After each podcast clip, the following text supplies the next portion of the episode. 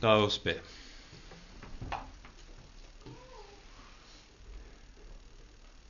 Kjære du vår Herre, du vår Gud og vår Far.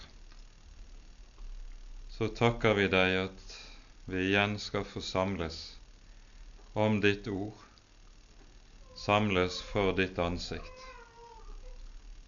Og så ber vi, Herre, at du vil komme og være hos oss.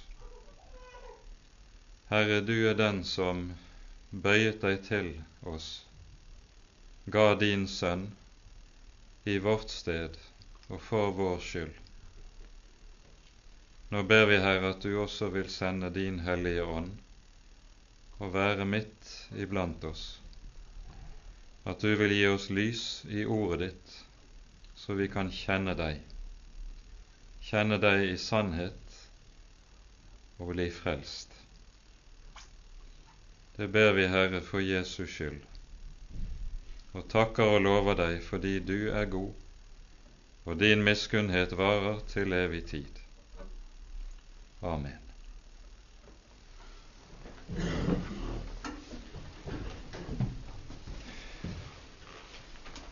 Sist gang så var noe av det som var hovedtema som vi stanset opp for og så på, det er dette som ligger apostelen meget på hjertet, nemlig at vi som Guds barn skal eie visshet.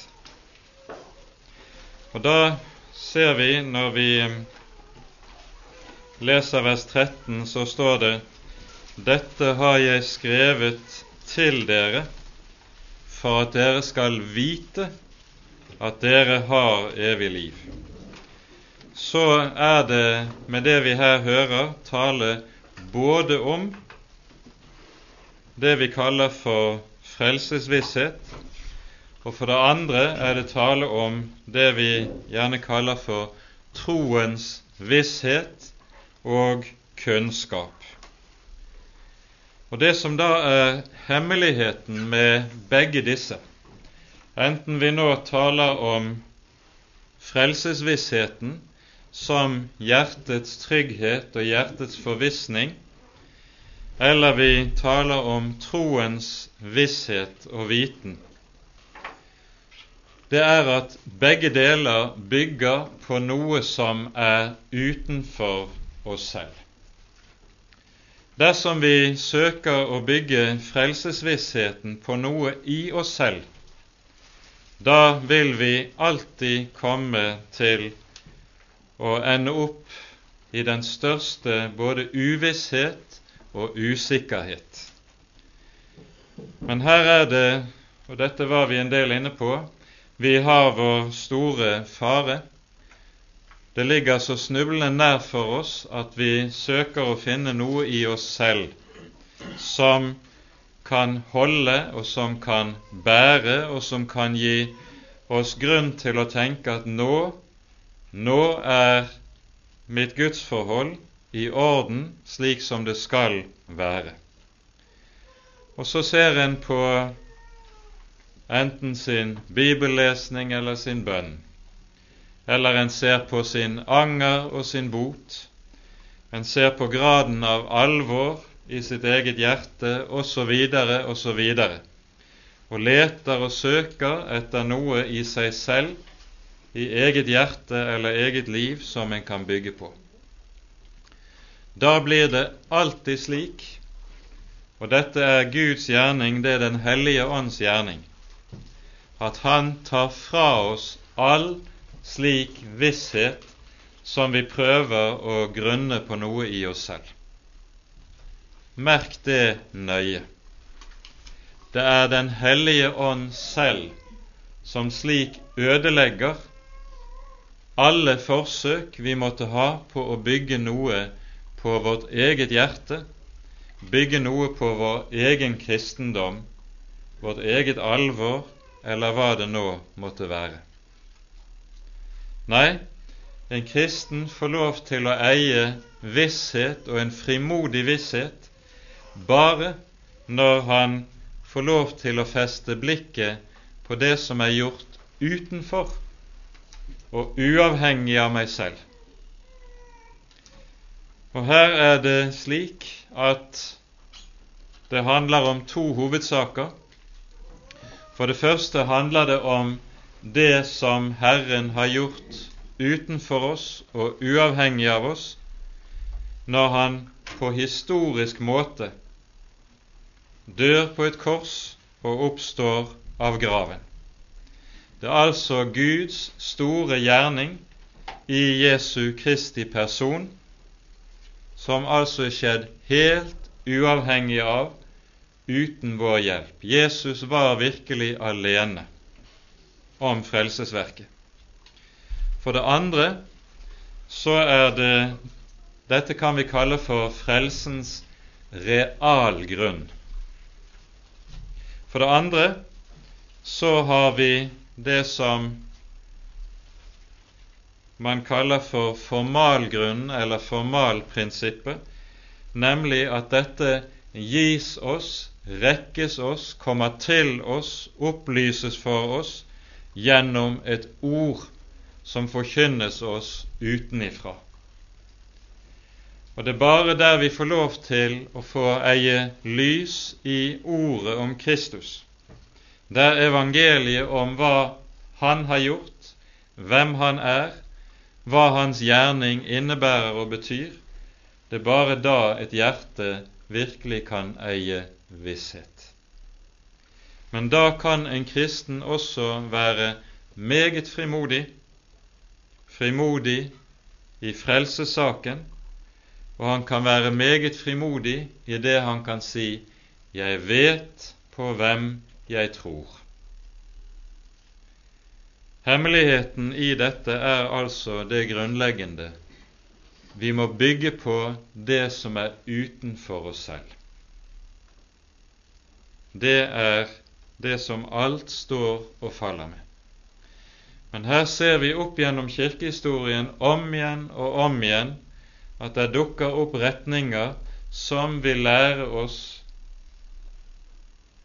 et eller annet som vi selv skal gjøre eller være, for at vi skal kunne tenke at da er det i orden med vårt kristenliv og med vår kristendom som altså stadig har det med seg at de retter blikket inn imot oss selv. Og dette er en av de sykene som vi ser stadig kan ramme meget forkynnelse. Det tales i og for seg ikke ubibelsk, kanskje, men det tales på en slik måte at øynene vendes mot eget hjerte. Vi får noe å bestille. Vi får noe vi skal engasjere oss i. Vi får noe vi får beskjed om som vi må være, og prøve å forandre hos oss selv. Og hvis vi bare får orden på den saken, da er det i orden med oss. Det er forkynnelse som leder mennesker inn i trelldom, i lovtrelldom, det er den slags forkynnelse som dermed også ødelegger frelsesvissheten for mennesker. Dette var noe av det som vi så utdypende på forrige gang, og vi leser nå videre fra vers 13 i kapittel 5. Dette har jeg skrevet til dere for at dere skal vite at dere har evig liv, dere som tror på Guds Sønns navn. Og dette er den frimodige tillit som vi har til Ham, at dersom vi ber om noe etter Hans vilje, da hører Han oss. Og dersom vi vet at Han hører oss, hva vi så ber om, da vet vi at vi har de ting vi har bedt Han om. Dersom noen ser sin bror gjøre en synd som ikke er til døden, da skal han be, og han skal gi ham liv. Jeg mener dem som ikke synder til døden. Det er synd til døden. Det er ikke om den jeg sier at han skal be, enhver urettferdighet er synd, og det er synd som ikke er til døden. Vi vet at hver den som er født av Gud, synder ikke. Men den som er født av Gud, tar seg i vare, og den onde rører ham ikke. Vi vet at vi er av Gud, og hele verden ligger i det onde. Men vi vet at Guds sønn er kommet, og han har gitt oss skjønn til å kjenne den sanne, og vi er i den sanne, i Hans Sønn Jesus Kristus. Dette er den sanne Gud og det evige liv. Mine barn, vokt dere for avgudene. Og med det munner altså første Johannes brev ut i en advarsel som vi kommer tilbake til til slutt. Det vi nå merker oss når vi leser vers 14 og 15, det er hvordan disse to versene slutter seg umiddelbart til det vi har hørt tales om troens visshet i de foregående vers.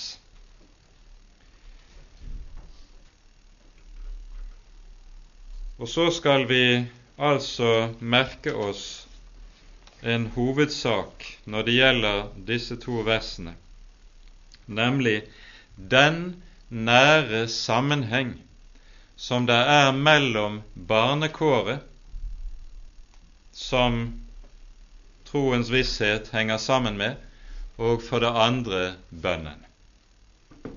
Barnekåret og bønnen er så å si to sider av samme sak. Bønnens grunn er den samme som barnekårets grunn. Når en kristen kan være frimodig overfor Gud, frimodig og eie frelsens visshet overfor Gud, så innebærer den samme frimodighet også frimodighet i bønnen.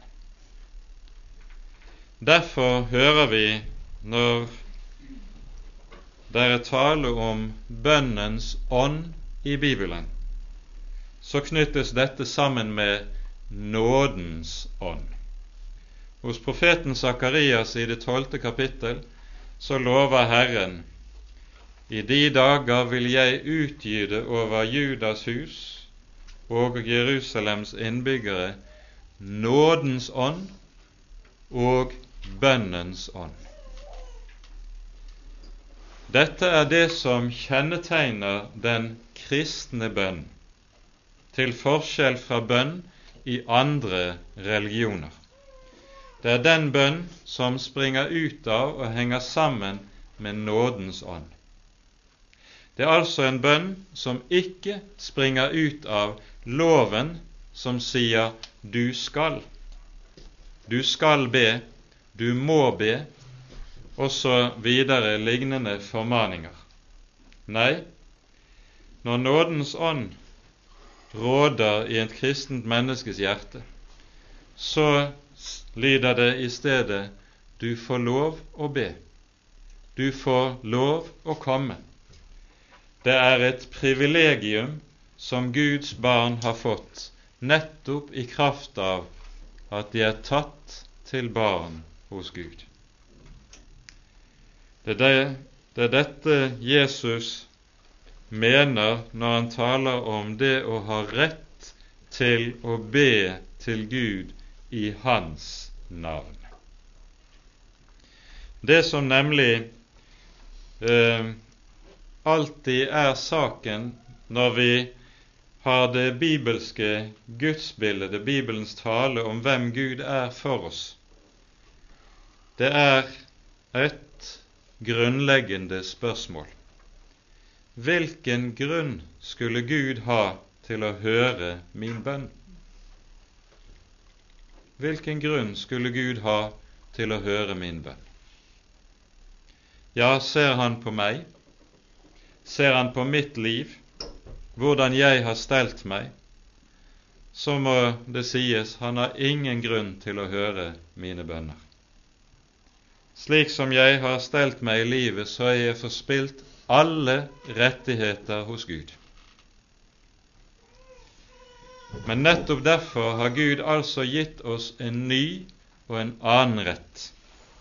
Vi skal få lov å be i Jesu navn, på grunnlag ikke av hva vi selv er, hva vi selv har å komme til Gud med, men på grunnlag av hva Jesus er.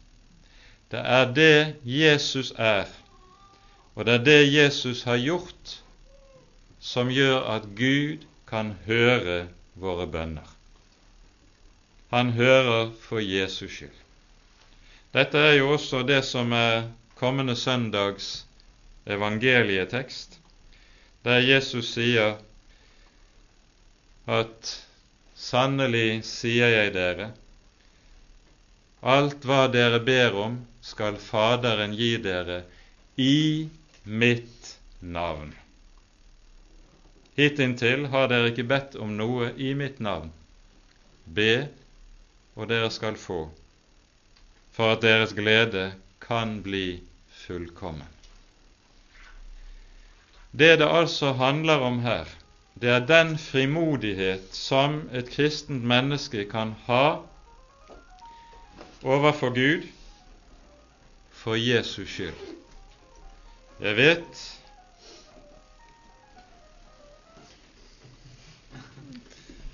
Jeg vet at jeg skal få lov til å tre frem for Herren på Jesu regning, så å si. Det er da også noe av dette som er innholdet i og betydningen av når vi ber om noe etter Hans vilje. For det å be i Jesu navn, det er å be etter Hans vilje. Da vet en kristen at det å be i Jesu navn, det har, henger sammen med noe av det mest grunnleggende i frelsen. Når et kristent menneske frelses, så skjer det et grunnleggende brudd i egenviljen. Syndefallet har jo det med seg at min vilje kommer til å erstatte Guds vilje i alle ting i livet. Og egenviljen som stadig søker sitt eget, ble det som alltid styrer det falne menneskets liv. Det å bli omvendt, det å bli frelst, det innebærer at denne egenvilje får en grunnleggende knekk. Vi har nok egenviljen hos oss fortsatt. Det er ikke det vi taler om. Vi har fortsatt egoismen hos oss. Det er ikke det vi taler om. Men jeg vet at nå er det noe annet som kommer foran. Nå ber en kristen alltid i samsvar med det Herren lærer oss i Fader vår, skje din vilje. Jesu bønn i Getsemane, det blir så å si mønsterbønnen for et Guds barn. Ikke som jeg vil, men som du vil, Fader. Og Det henger altså sammen med dette fundamentale at en kristen ber i Jesu navn. Og da er det vi altså også har et stort, stort løfte. Dersom vi ber om noe etter Hans vilje, da hører Han oss. Herrens øye er vendt til Hans fromme, står det i Salme 34, og Hans øre til deres rop. Han er ikke døv. Han er ikke som avgudene en gud som kan være på reise eller legge seg til å sove, så han ikke akter på sine små, sine bønner. Nei, han hører.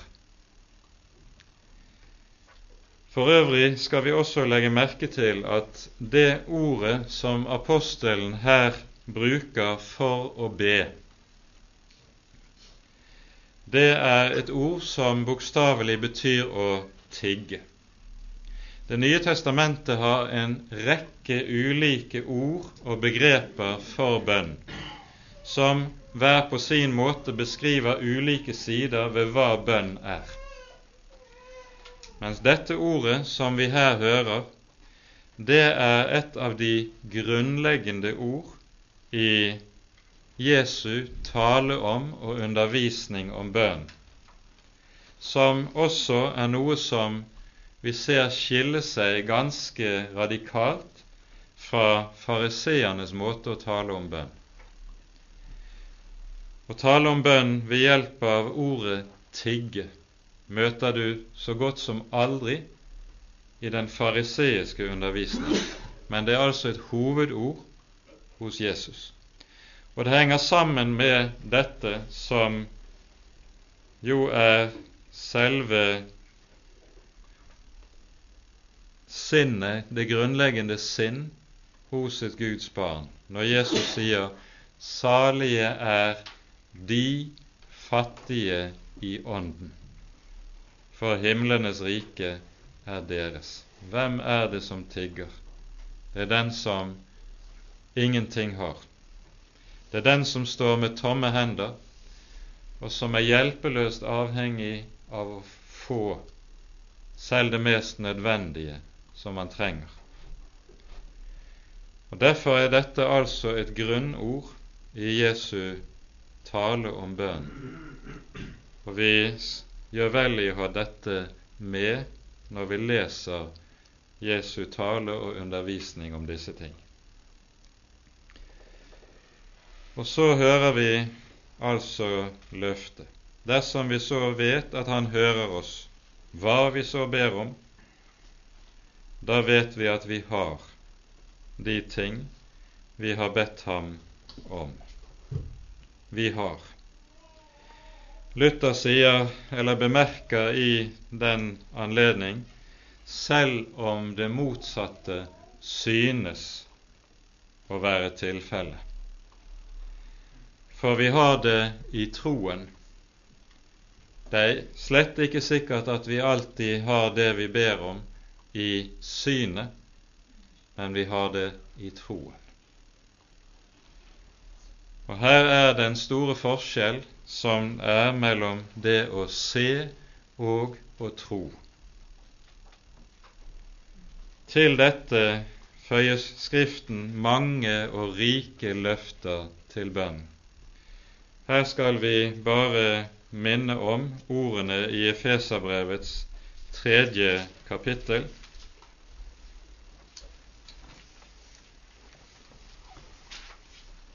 Det tyvende verset. Efeserbrevet kapittel 3, vers 20.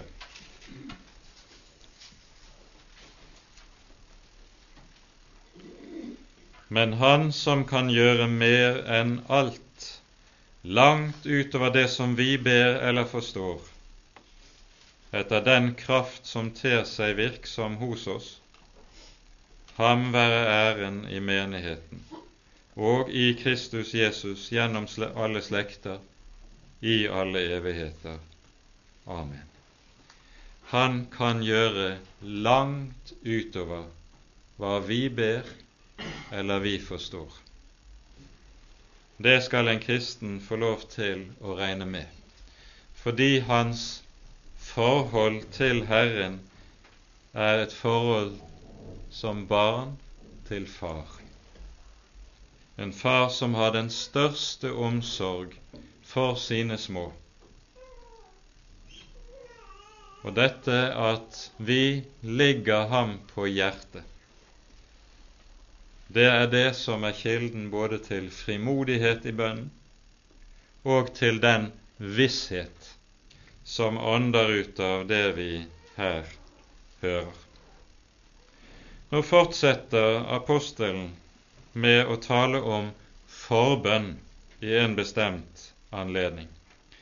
Dersom noen ser sin bror gjøre synd, en synd som ikke er til døden, da skal han be. Og han skal gi ham livet. Jeg mener dem som ikke synder til døden. Der er synd til døden. Det er ikke om den jeg sier at han skal be. Her er det altså tale om forbønn for den falne eller for den snublende broder. Og vi merker oss ser vi en medkristen som snubler, eller som faller i synd, da skal vi tale med Gud om saken. Ikke springe av gårde og tale med vår neste om saken. Altfor ofte er det nemlig det som gjøres, og slik er det mye baktalelse blir til. Nei, her er det altså slik at vi formanes tal med Herren om saken. Til dette er det vi hører Jakob også taler i sitt brev i det femte kapittel, i det sekstende verset. Her står det sånn Bekjenn derfor deres synder for hverandre og be for hverandre, for at dere kan bli lekt. En rettferdig manns bønn har stor kraft i sin virkning. Be for hverandre for at dere kan bli lekt. Og Her det, handler det ganske særlig om legedom for fall. I kapittel 2 så hører vi i innledningen av dette kapitlet at Johannes sier slik Dette har jeg skrevet til dere for at dere ikke skal synde. Men dersom noen synder, da har vi en talsmann hos Faderen, Jesus Kristus den rettferdige. Og han er en soning for våre synder. Det som apostelen her legger inn over oss, det er at det sinn som Jesus viser, i det han er en talsmann hos Faderen som går i forbønn for oss når vi faller i synd, det sinnet skal også være hos oss. Vi skal så å si også være talsmenn for Faderen når vår bror faller eller svikter, for at han skal få hjelp. Jesus sinn skal også komme til syne og til uttrykk i en kristens forbønn for sin bror, for sin medkristne. Merk dette. Nå kommer vi til et uttrykk som har voldt mye vansker oppover gjennom kirkehistorien. Her tales det altså om det som kalles synd til døden. Hva menes det med det? De fleste vil være kjent med det som vi kjenner vel fra katolsk middelalder, der det har vært tale om de syv dødssyndene. Stolthet, grådighet, begjær, fråtseri, vrede, misunnelse og kjedsomhet. Det er de syv dødssyndene. Og de, denne måten å tenke på bygger altså på dette, eller disse to versene som vi her finner i første Johannesbrev. Og Det som da i katolsk tradisjon er tenkningen rundt saken, er at dødssynd det kan ikke gis absolusjon for i et vanlig skriftemål. Da må en høyere opp, enten til biskopen eller kanskje sågar til paven, før en kan få absolusjon for slike alvorlige synder.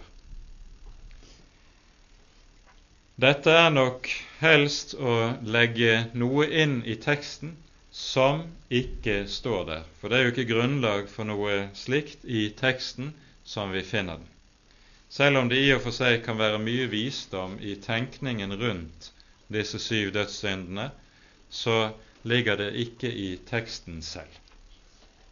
Det som det er tale om i denne sammenheng, er vel helst det som apostelen advarer så alvorlig imot gjennom hele brevet, nemlig den falske gudsdyrkelse som vranglærerne inspirerer til, forfører til, og som dypest sett ikke er noe annet enn forherdelse.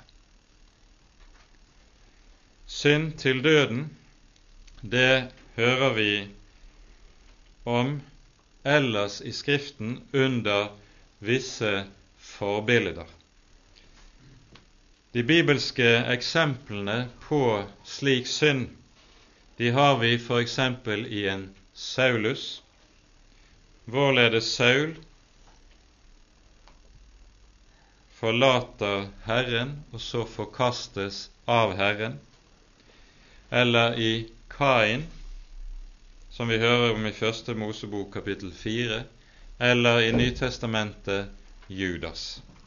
Dette er bibelske eksempler på det som kalles for synd til døden. Og Hvis vi skal forstå det som det handler om i denne sammenheng, så må vi altså være klar over at det her handler om forherdelsens synd. Hva henger den sammen med? Vi settes på sporet hvis vi gjør klart for oss det gamle skillet mellom det vi kaller for moralsk synd og religiøs synd. Moralsk synd, det er synd mot lovens annen tavle. Det som vi gjerne taler om når det gjelder eller i vår dagligtale kaller for synder. Religiøs synd, det er den typen synd som kommer til uttrykk i forherdelse, som kommer til uttrykk i at et menneske gir seg hen i avgudsdyrkelse, eller når et menneske lar vranglære forbli det som styrer liv og tanke og tro. Da kommer en inn i det som kalles for synd til døden. Det er den religiøse synd. Denne er så mye farligere enn den moralske synd, rett og slett fordi at når mennesker gir seg inn i det som vi kaller for religiøs synd, så gjør de det uten bevissthet om at de da gjør noe galt. Tvert om er en da gjerne dypt overbevist om at en gjør noe som er rett og riktig. Mens dersom et menneske faller i moralsk synd, enten det er hor eller tyveri eller mord eller løgn, så vil en innerst inne vite meget vel at dette som en nå gjør, det er galt. Jeg vil ha en indre overbevisning, en indre stemme, som sier dette er ikke rett.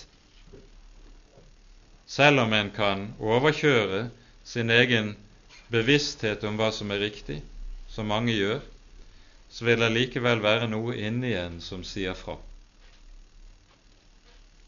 Men når det gjelder den religiøse synd, så har den det med seg at den lukker øynene til for et menneske på en slik måte at det er hellig overbevist om at løgn er sannhet, at mørket er lys, og at det gjør det som bare er rett og riktig når det følger løgn. Da kommer et menneske inn i det som kalles for forherdelsen, og Dette ser vi eksempler på en rekke steder i Bibelen. Vi har nevnt noen enkeltpersoner. I Det nye testamentet hører vi Jesus tale om dette i forbindelse med det som kalles synd mot Den hellige ånd. Det leser vi om eksempelvis i Matteusevangeliets tolvte kapittel.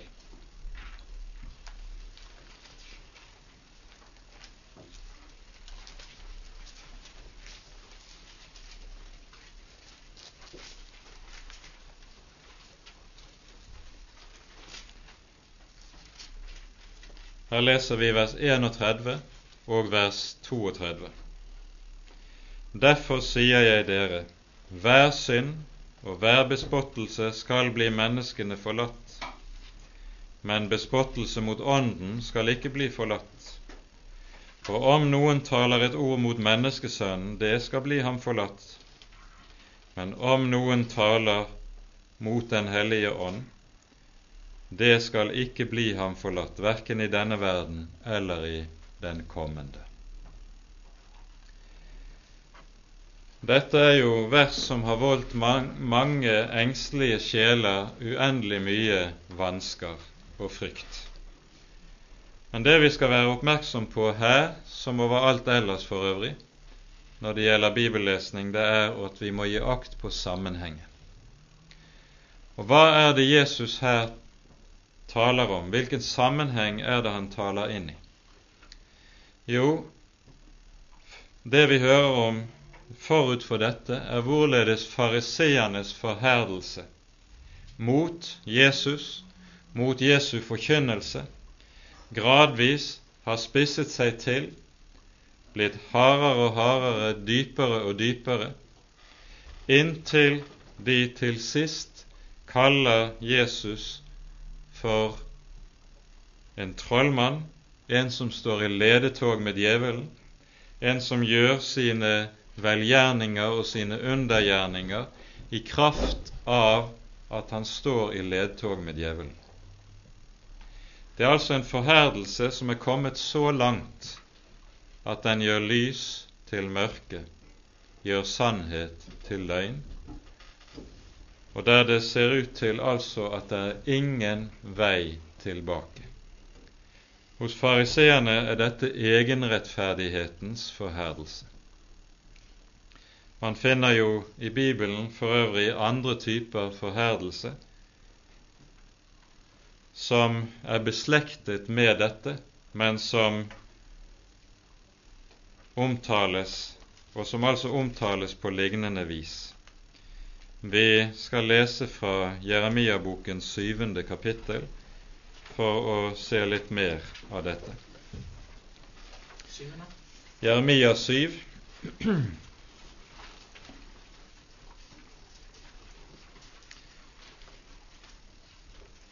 Her sies det slik i vers 16. Jeremias får beskjed fra Herren om følgende. Og du du skal ikke be for dette folk, og ikke frembære klage og bønn for det, og ikke trenge inn på meg, for jeg hører deg ikke. Vi hørte det samme altså i 1. Johannes brev. De troende skulle be for sine brødre og søstre i troen dersom det var tale om synd som ikke var til døden men når det var tale om synd til døden, så skulle de altså ikke be, hører vi. Jeremia får beskjed om, får befaling om det samme her. Og hva er det nå der tales om? Jo, i forkant av dette hører vi også om den dype forherdelse som har grepet folket i Jeremias dager. Fra vers 8 leser vi slik.: Se, dere setter deres lit til løgnaktige ord, til ingen nytte. Hvorledes? Dere stjeler, dere slår i hjel. Dere driver hor, dere sverger falskt og brenner røkelse for bal og følger andre guder som dere ikke kjenner. Og så kommer dere og står frem for mitt åsyn i dette hus, som er kalt med mitt navn, og sier, Vi er frelst, og så tenker dere at dere fremdeles kan gjøre alle disse vederstyggelige ting. Er da dette hus som er kalt med mitt navn, blitt en røverhule i deres øyne? Se, jeg har sett det, sier Herren. Hva er det vi her hører om? Det er mennesker som har en oppfatning av Gud som bunner i det vi vil kalle vranglære, som i datiden hang sammen med de falske profeters forkynnelse, og som sa Guds Gud er ikke en hellig Gud, som derfor krever omvendelse om vi skal ferdes i Hans hus. Nei, Gud er som avgudene. Han tar ikke så nøye hvorledes et menneske lever. Han ser gjennom fingrene med både det ene og det andre. Han er mer storsinnet enn vi er. Lignende toner hører vi i våre dager. Dette er også uttrykk for noe av det samme, det vi kan kalle for den religiøse synd. En vrir på og forandrer på Bibelens tale om Gud på en slik måte at mennesker kan få lov til å innrette seg som de selv vil, uten at det likesom skal få konsekvenser. Det er tallrike måter å gjøre dette på, og Bibelen advarer på det mest alvorlige imot denne slags synd. For ser vi på og leser vi det som er den bibelske sammenheng når det tales om forherdelsen, denne slags forherdelse, så er det jo da slik at når et menneske eller når et folk tilstrekkelig lang tid har forherdet seg selv mot Gud og mot Hans ord, da svarer Herren med at da begynner Han å forherde dette folk eller dette enkeltmennesket. Da kan det ikke lenger vende om. Da blir det ute av stand til å vende om. Da er det ikke håp for et slikt menneske. Det er dette profeten Jesaja taler om i det sjette kapittel i sin bok. Etter at Herren har åpenbart seg for ham, så spør Herren hvem skal vi sende, og hvem vil gå for oss? Og Jesaja svarer, Se, her er jeg, send meg. Hvorpå Herren sier til ham, Gå og si til dette folk, Hør og hør, men forstå ikke. Se og se, men skjønn ikke. Gå av sted og klin dette folks øyne til og lukk deres ører til, så de ikke skal høre og forstå og omvende seg. Det er altså kommet til et punkt i Israels folks liv der den frivillige og selvvalgte forherdelse går over til en gudpålagt forherdelse, som altså er uttrykk for en Guds dom over folket. Dette er noe av det som er det tyngste alvoret når det gjelder den religiøse synd.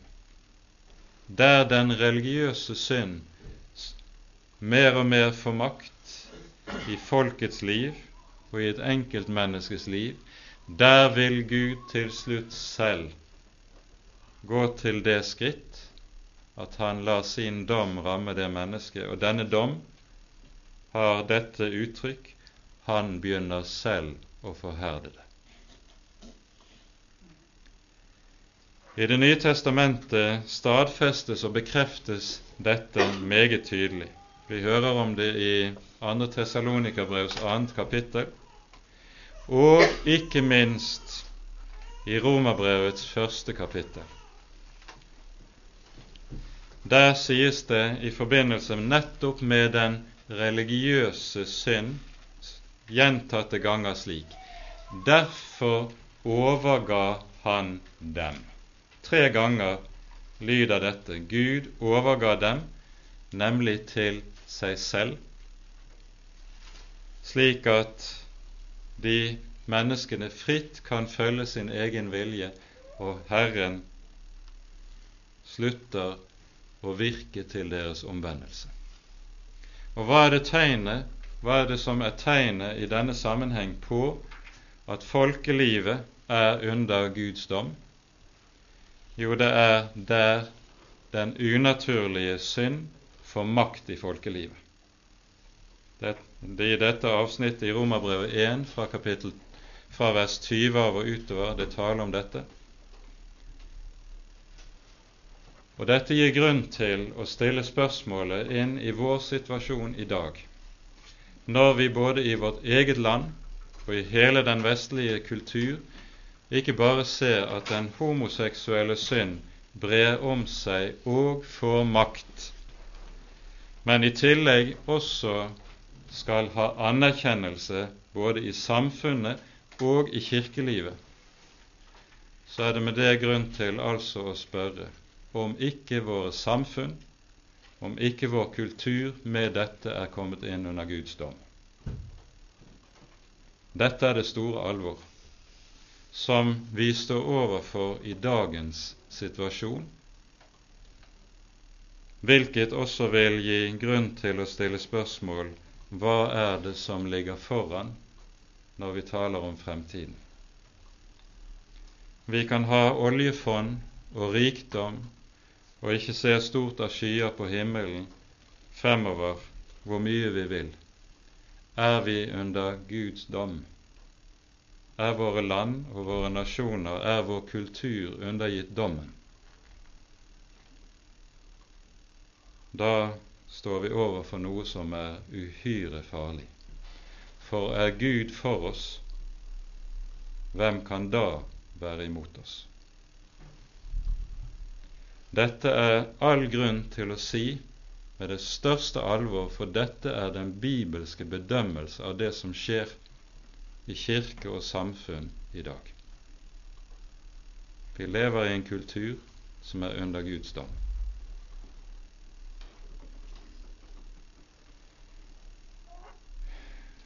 Når Bibelen kaster dette slags lys over den tid vi lever i, så blir det desto mer nødvendig for oss som ønsker å holde fast på Guds ord, at dette ord får lov til å stå, og at dette ord får lov til å bli noe som vi samler oss om til stadig grundigere å lære og fordype oss i og be Herren om å legge inn over våre liv og våre hjerter.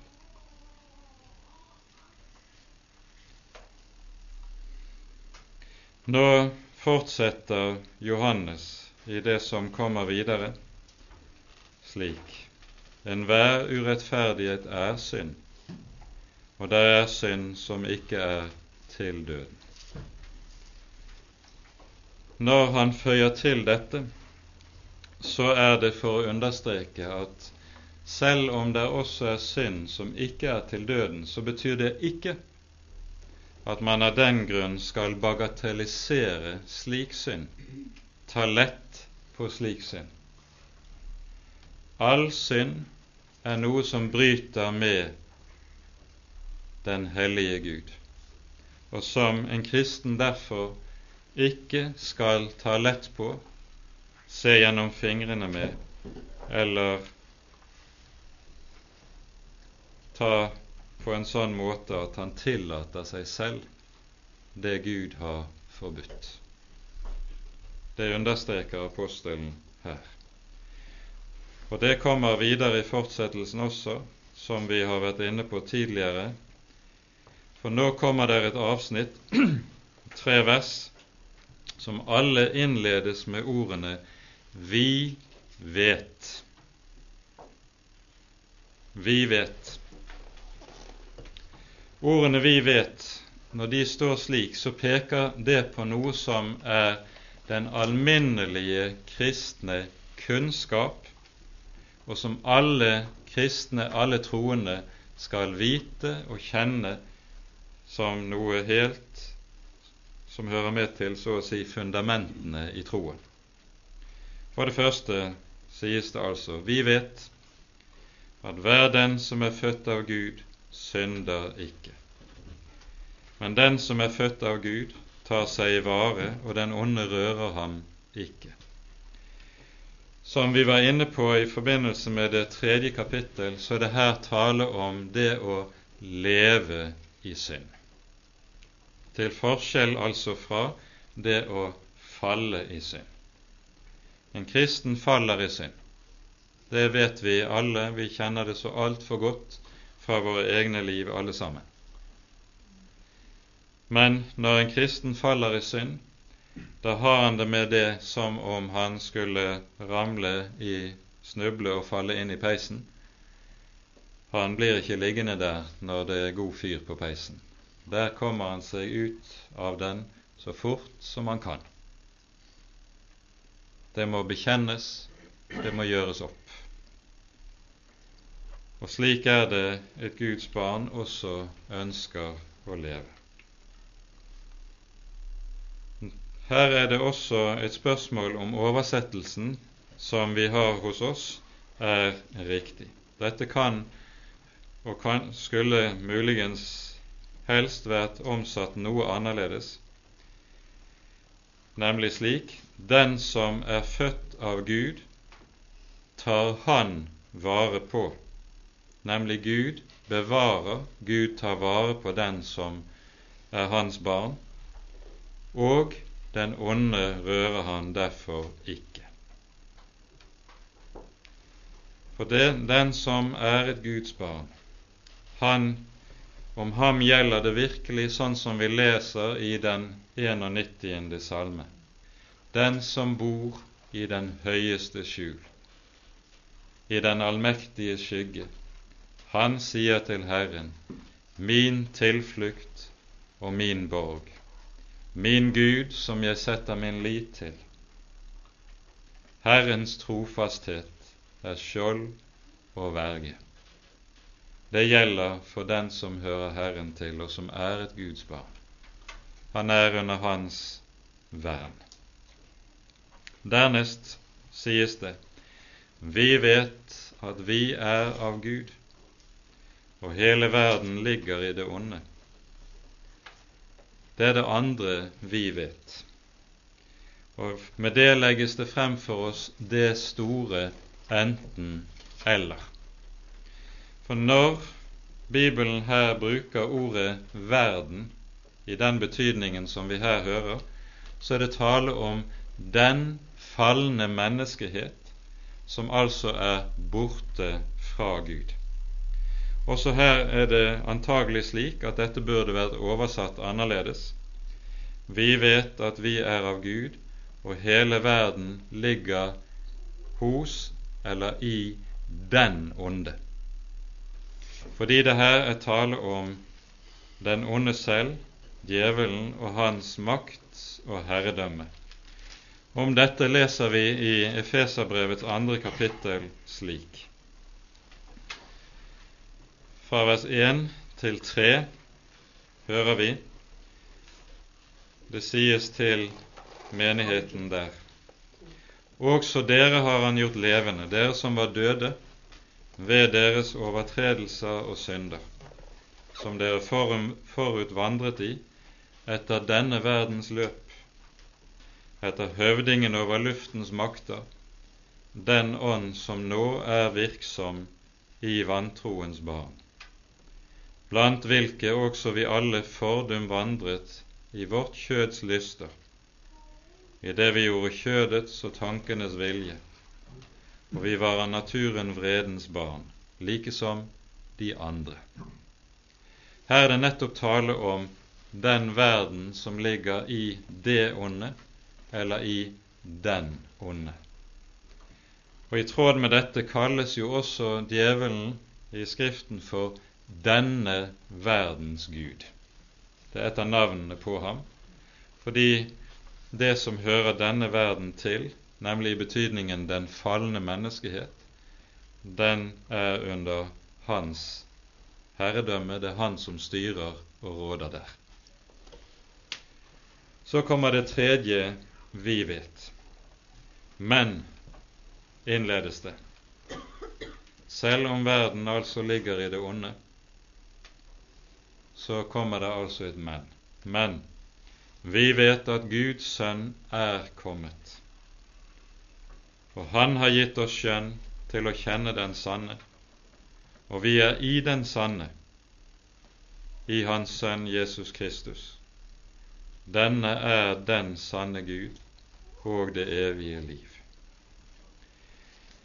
Her brukes det et spesielt ord i grunnteksten for 'kommet', og det peker på og minner om ordene som vi tidligere har hørt i kapittel 3. Her hører vi sånn først i vers 5. Dere vet at Han er åpenbaret for å ta bort våre synder, og synd er ikke i ham. Og i vers 8 står det slik Dertil er Guds sønn åpenbaret, at han skal gjøre ende på djevelens gjerninger. Ja, vi vet at Guds sønn har kommet, og han har gjort ende på djevelens gjerninger. Han har sonet all synd, og det å være hos Jesus det er å være i det riket der djevelen ikke har noe han skal ha sagt. Han vil stadig prøve å friste oss og bedra oss ut av det. Men i det riket er vi under Jesu herredømme, under Jesu vinger og under Jesu vern. Og så sies det altså Han har gitt oss skjønn til å kjenne den sanne.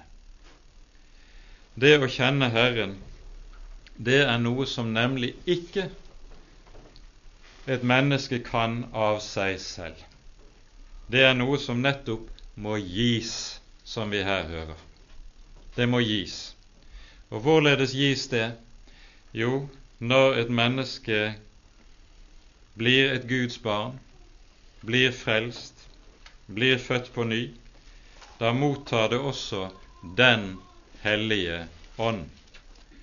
Og om Den hellige ånd sies det i første Korinterbrev slik i det andre kapittel. Vi leser vers 12. Vi har ikke fått verdens ånd. Vi har fått den ånd som er av Gud, for at vi skal kjenne det som er oss gitt av Gud. Det er umulig å kjenne det som er oss gitt av Gud, uten Guds hellige ånd. Først og fremst er det umulig å kjenne evangeliet uten å ha Guds hellige ånd. Det er Ånden som åpenbarer evangeliet. Det kan ikke forklares for et menneske. Det er ikke noe som kan du kan få et menneske til å skjønne gjennom å prøve å overtale og forklare og teoretisere. Det er Ånden, Ånden alene, som kan åpenbare dette for et menneske. Men når Den hellige ånd kommer og har gjort sin gjerning, da begynner et menneske å se. Se Jesus. Se evangeliet. Se hva det har i ham. Se hvilken herlig gave det er vi har mottatt for Jesus skyld. Da har vi fått skjønn til å kjenne den sanne.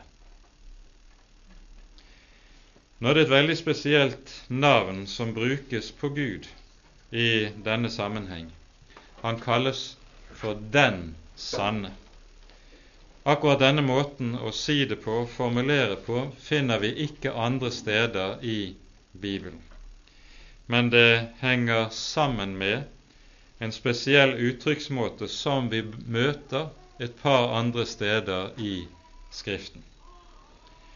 I åpenbaringsboken i kapittel 3 vers 14 så presenterer Jesus seg og sier dette sier Han som er Amen, det troverdige og sandru vitne.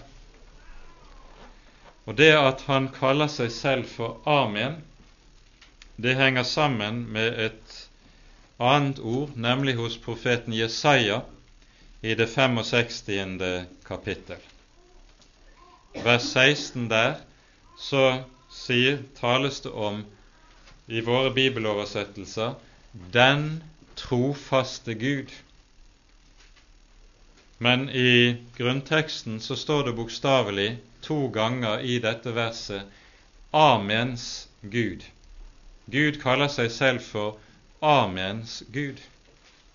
Hva ligger det i dette? Det er en dybde i dette uttrykket som vi nok ikke helt kan forstå eller fatte. Men det avgjørende i dette er at Gud med dette sier at Han er ett med sitt ord. Han er fullkomment ett med sitt eget ord slik at han er hva han sier, og han sier hva han er. Det er ikke noen forskjell på hva Gud taler, og hva han er i sitt hjerte. Sånn er det med mennesker. Det kan være en meget stor avstand mellom våre ord og hva vi faktisk er, fordi vi lyver, fordi vi hykler, fordi vi opptrer det hører med til syndefallet når det gjelder oss. Men hos Herren, Han som er Gud, er det ingen avstand mellom hva Han er og hva Han sier. Han er ett med sitt ord. Hvilket altså innebærer at når du hører Herrens ord, så møter du dermed også den levende Gud selv. Å møte Guds ord det er å stå ansikt til ansikt med den levende Gud. For han er ett med sitt ord. Der møter du ham som den han er. Og der kan du lære ham å kjenne som den han er. Vi får ikke se ham som han er enda. Det skal vi først gjøre i evigheten. Men vi kan kjenne ham som han er, i og med at vi kjenner ham i Ordet. Å kjenne Gud, det er altså å kjenne Hans ord i Den hellige Skrift. Merk det, og merk det nøye. Derfor er det også at Jesus i innledningen til Johannesevangeliet kalles for Ordet. I begynnelsen var Ordet, og Ordet var hos Gud, og Ordet var Gud. Og Ordet ble kjød og tok bolig iblant oss, og vi så Hans herlighet, en herlighet som denne enbåren sønn har fra sin Fader. Vi er i den sanne, nemlig i Hans Sønn Jesus Kristus. Å være et Guds barn, det er å leve i livs samfunn med Han som heter den sanne, som heter Amens Gud, og det er vi i kraft av at vi er hos Jesus. I Jesus så er vi i Gud. Og så kommer det til slutt den store bekjennelse. Etter grammatikken så er det slik at setningen 'Denne er den sanne Gud og det evige liv', det sikter til Jesu Kristi person. Denne store bekjennelse er det jo også som Thomas avlegger når han en uke etter de andre disiplene får møte den oppstandende Jesus Kristus. Jesus sier til ham, Se her, her er naglemerkene i mine hender, stikk din hånd i min side, og se at det er jeg. Hvorpå Thomas faller ned for Jesu føtter og bryter ut Min Herre og min Gud. Det er bekjennelsen til Jesus som Gud, som så å si er det som det alt sammen toner ut med her i 1. Johannes brev. Og med det så kommer det altså også den avsluttende advarsel mine barn, vokt dere for avgudene. Og her er det nok ikke tenkt på avgudsdyrkelse i betydningen at man faller ned for og ber til en Sefs eller en Odin eller en Thor, avguder av den type.